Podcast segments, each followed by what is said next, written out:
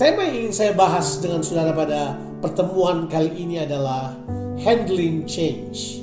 Yang saya maksud dengan handling change bukan berarti atau bagaimana apa itu mengatasi perubahan, tapi yang saya maksudkan sini adalah kita perlu bekerja sama dengan perubahan dan masuk pada perubahan yang dibawa oleh Tuhan dan kemudian bersikap benar atasnya. Dan itu yang saya maksudkan dengan handling change. Ya kita tentu tidak bisa kita tidak bisa menguasai perubahan, tapi kita bisa dapat bekerja sama dengan Tuhan yang membawa perubahan untuk kemudian dapat bersikap benar dan kemudian dapat mengakibatkan the best interest of God yang terbaik yang Tuhan inginkan terjadi dalam kehidupan kita. Tentu kita sudah mengetahui bahwa Tuhan kita adalah Tuhan perubahan. Artinya bahwa Tuhan kita sekalipun dia tidak berubah, tidak ada bayang perubahan dalam kepribadian Tuhan, tetapi berhubungan dengan manusia, Tuhan menawarkan perubahan sebagai proses kehidupan. Bahwa Tuhan kita mau supaya manusia masuk dalam proses perubahan yang Tuhan bawa dalam kehidupan kita.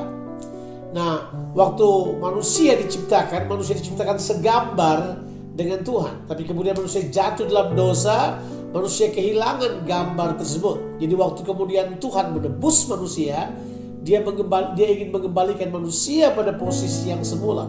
Di situlah kita kemudian akan mengalami perubahan demi perubahan dan perubahan. Karena Tuhan mau menjadikan kita kembali pada tujuannya supaya kita serupa dengan gambar anaknya sesuai dengan gambar Allah dalam kehidupan kita. Itu ditulis di dalam kitab 2 Korintus pasalnya ketiga ayatnya ke-18 kita akan baca teks tersebut, kemudian kita akan melihat bagaimana perubahan ini berlaku dalam kehidupan kita.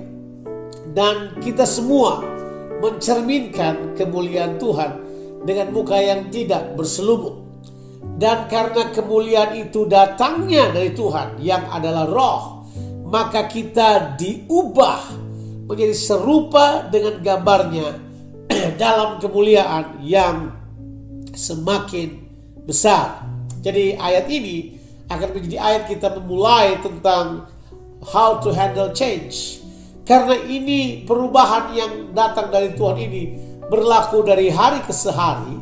Makanya kita perlu sekali untuk kemudian mendapatkan pemahaman yang penuh dari ayat-ayat ini tentunya. Nah mari kita akan uh, melihat ayat-ayat ini dan kemudian kita akan membahasnya bersama-sama. Handling change. Tuhan kita punya tujuan dalam mengerjakan perubahan-perubahan tersebut. Dan tujuannya jelas, pasti. Coba kita akan melihat dulu satu ayat yang atau satu uh, pembacaan, satu apa itu perikop pembacaan yang luar biasa sekali dari kita pengkhotbah pasalnya yang ketiga. Ayatnya yang pertama sampai ayatnya yang ke-11 tentunya. Saya tidak akan baca seluruhnya tapi saya ingin baca beberapa bagian untuk menjelaskan pada saudara. Untuk segala sesuatu ada masanya untuk apa pun di bawah langit ada waktunya.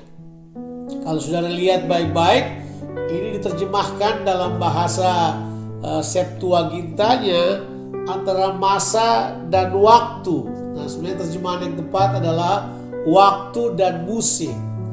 Waktu menggunakan kata uh, atau masa di sini menggunakan kata kronos, sedangkan waktu atau musim menggunakan kata kairos di dalamnya ya. Jadi dia bilang buat kita begini.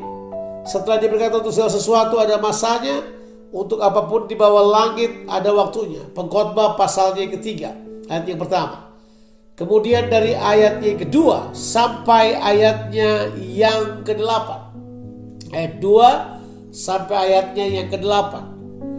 Penulis kita pengkhotbah memberikan kepada kita 14 pasang waktu. Jadi 28. 14 pasang waktu yang kemudian berubah. Misalnya ada saat lahir, ada saat mati, ya itu jelas dibilangkan begitu ada saat menangis, ada saat tertawa, bahkan ada saat meratap, ada saat menari. Jadi ada ada musim-musim. Jadi sebenarnya kata yang dipakai di situ lebih cocok musim, seasons of life.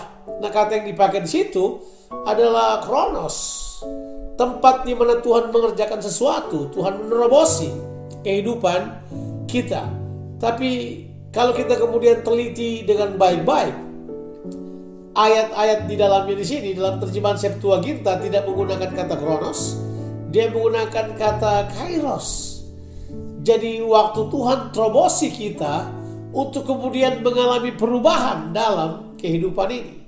Berarti kita harus mengerti prinsip ini. Perubahan-perubahan dalam kehidupan kita itu terjadi karena Tuhan menerobosi waktu kita. Waktu Tuhan yang kekal menerobosi waktu manusia yang sementara, kronos itu yang kita kenal dengan istilah la kairos Ya, waktu alam menerobos waktu manusia, Ioneos yang kekal menerobos waktu manusia yang kronos, yang sementara, yang kemudian uh, apa itu punya urutan waktu tertentu diterobosi oleh waktu Tuhan yang namanya kita sebut sebagai kairos.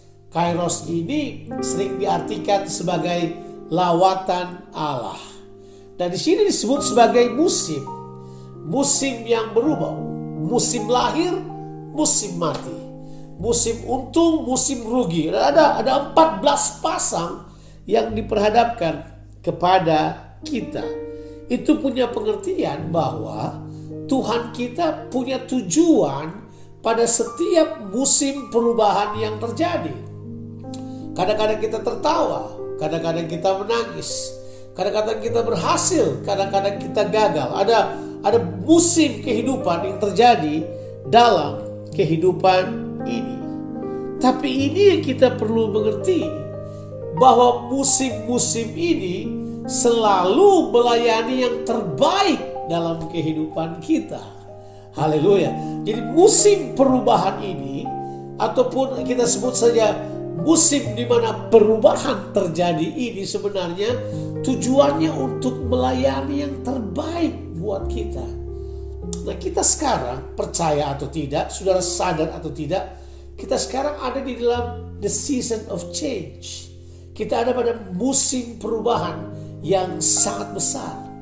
Masalahnya kita hadapi sekarang, kita nggak tahu perubahannya mau ke arah mana. Nah ini dia ini.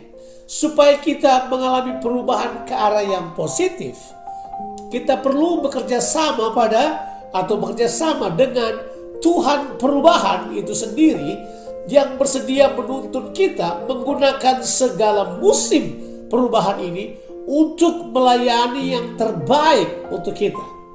Tentunya saudara yang pernah membaca pengkhotbah pasal 3 ini tahu persis bahwa ayat yang ke-11 yang merupakan ayat kunci yang perlu kita perhatikan. Ia membuat segala sesuatu indah pada waktunya. He had made everything beautiful in its time. Ya, jadi jelas kata itu dipakai bahwa ia membuat segala sesuatu indah pada waktunya. Nah, ini dia kita perlu mengerti bahwa Tuhan ingin membawa pengalaman yang indah pada waktunya.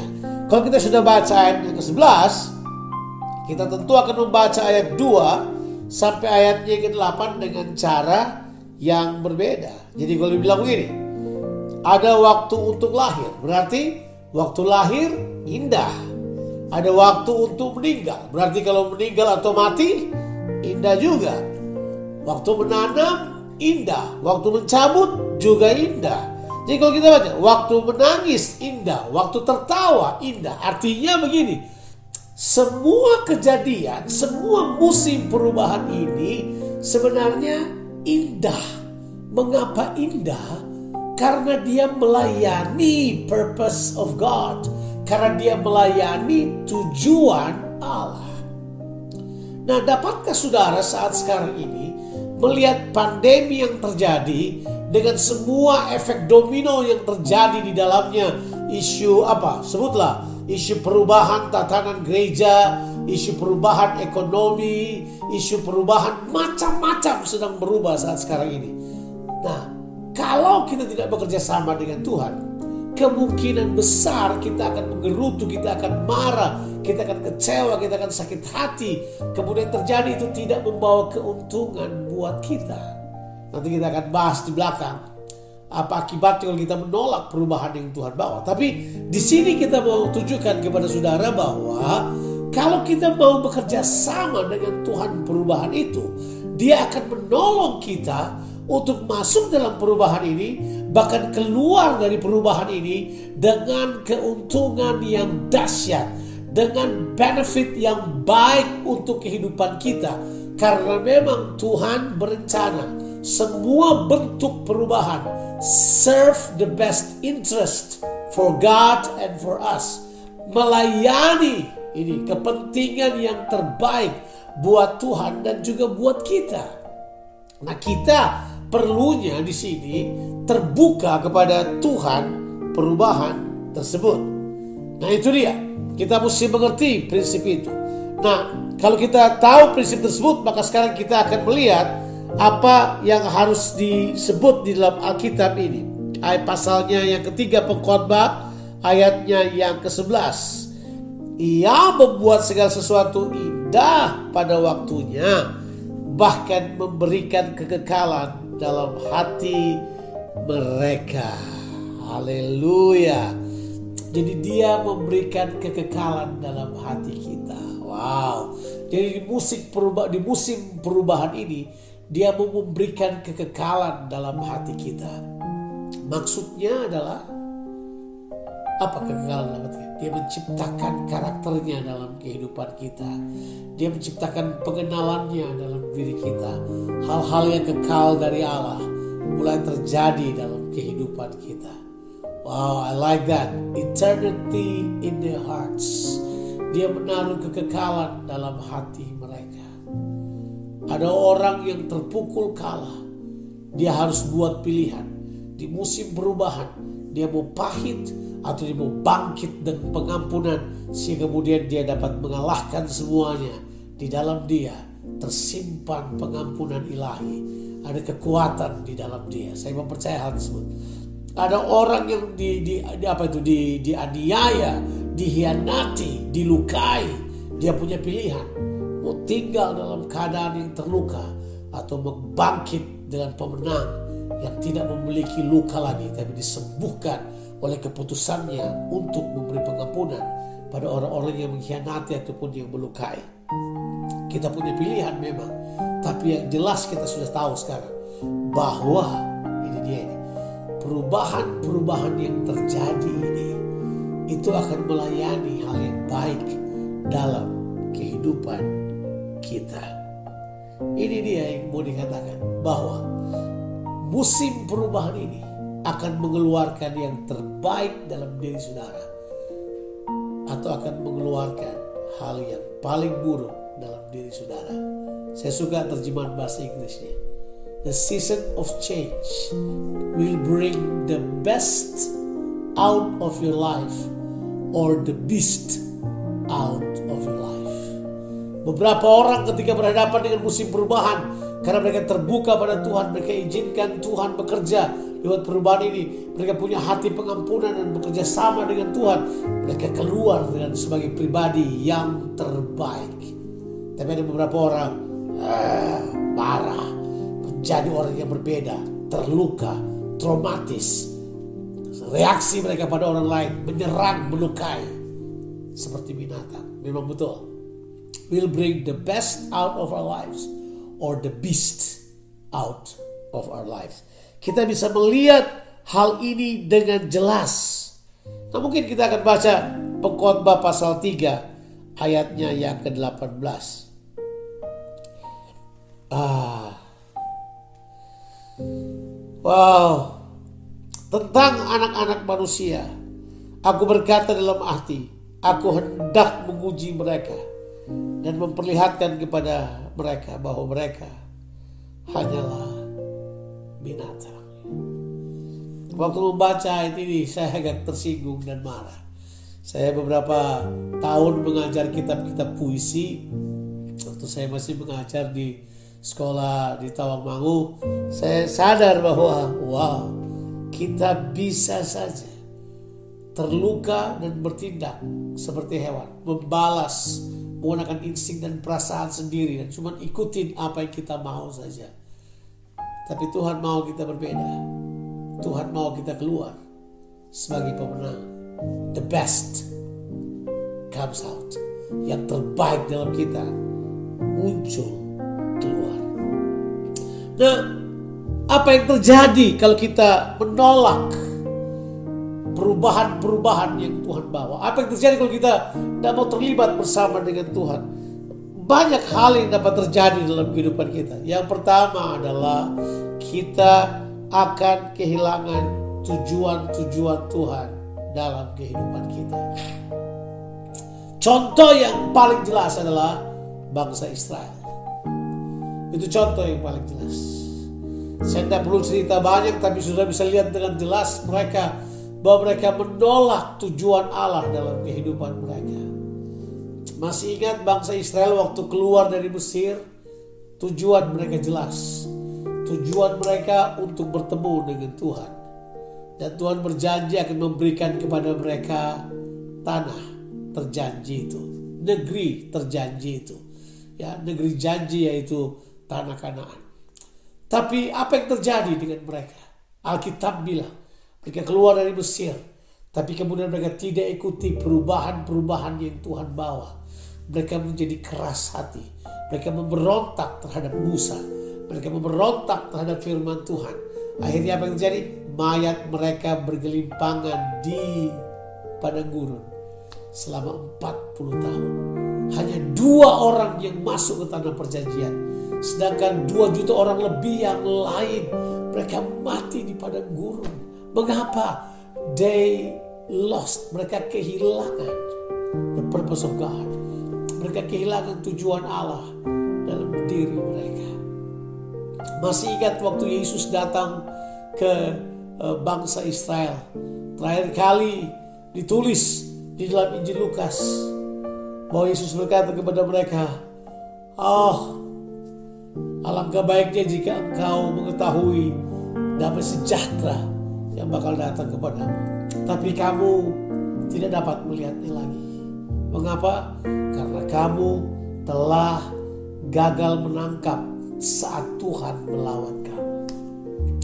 They miss the season of change dalam diri mereka.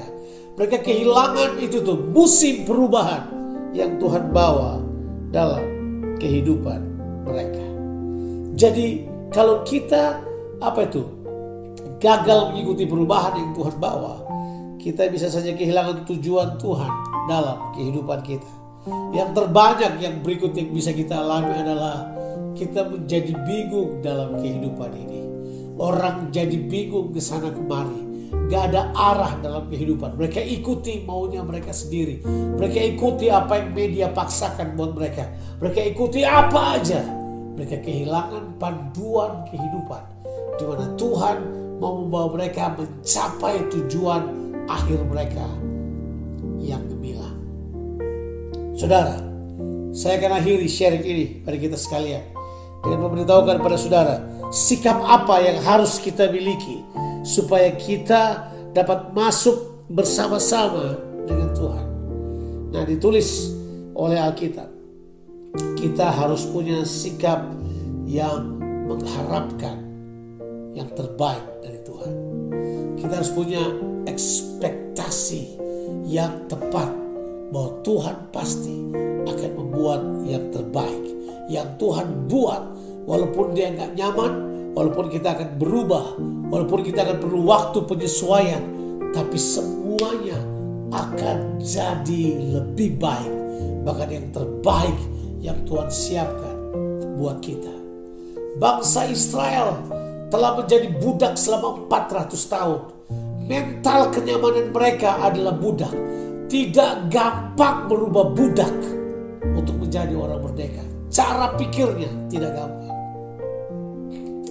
Waktu saya masih uh, sekolah dulu ada seorang guru yang mengajarkan kepada saya dan kemudian dia menceritakan sebuah kisah.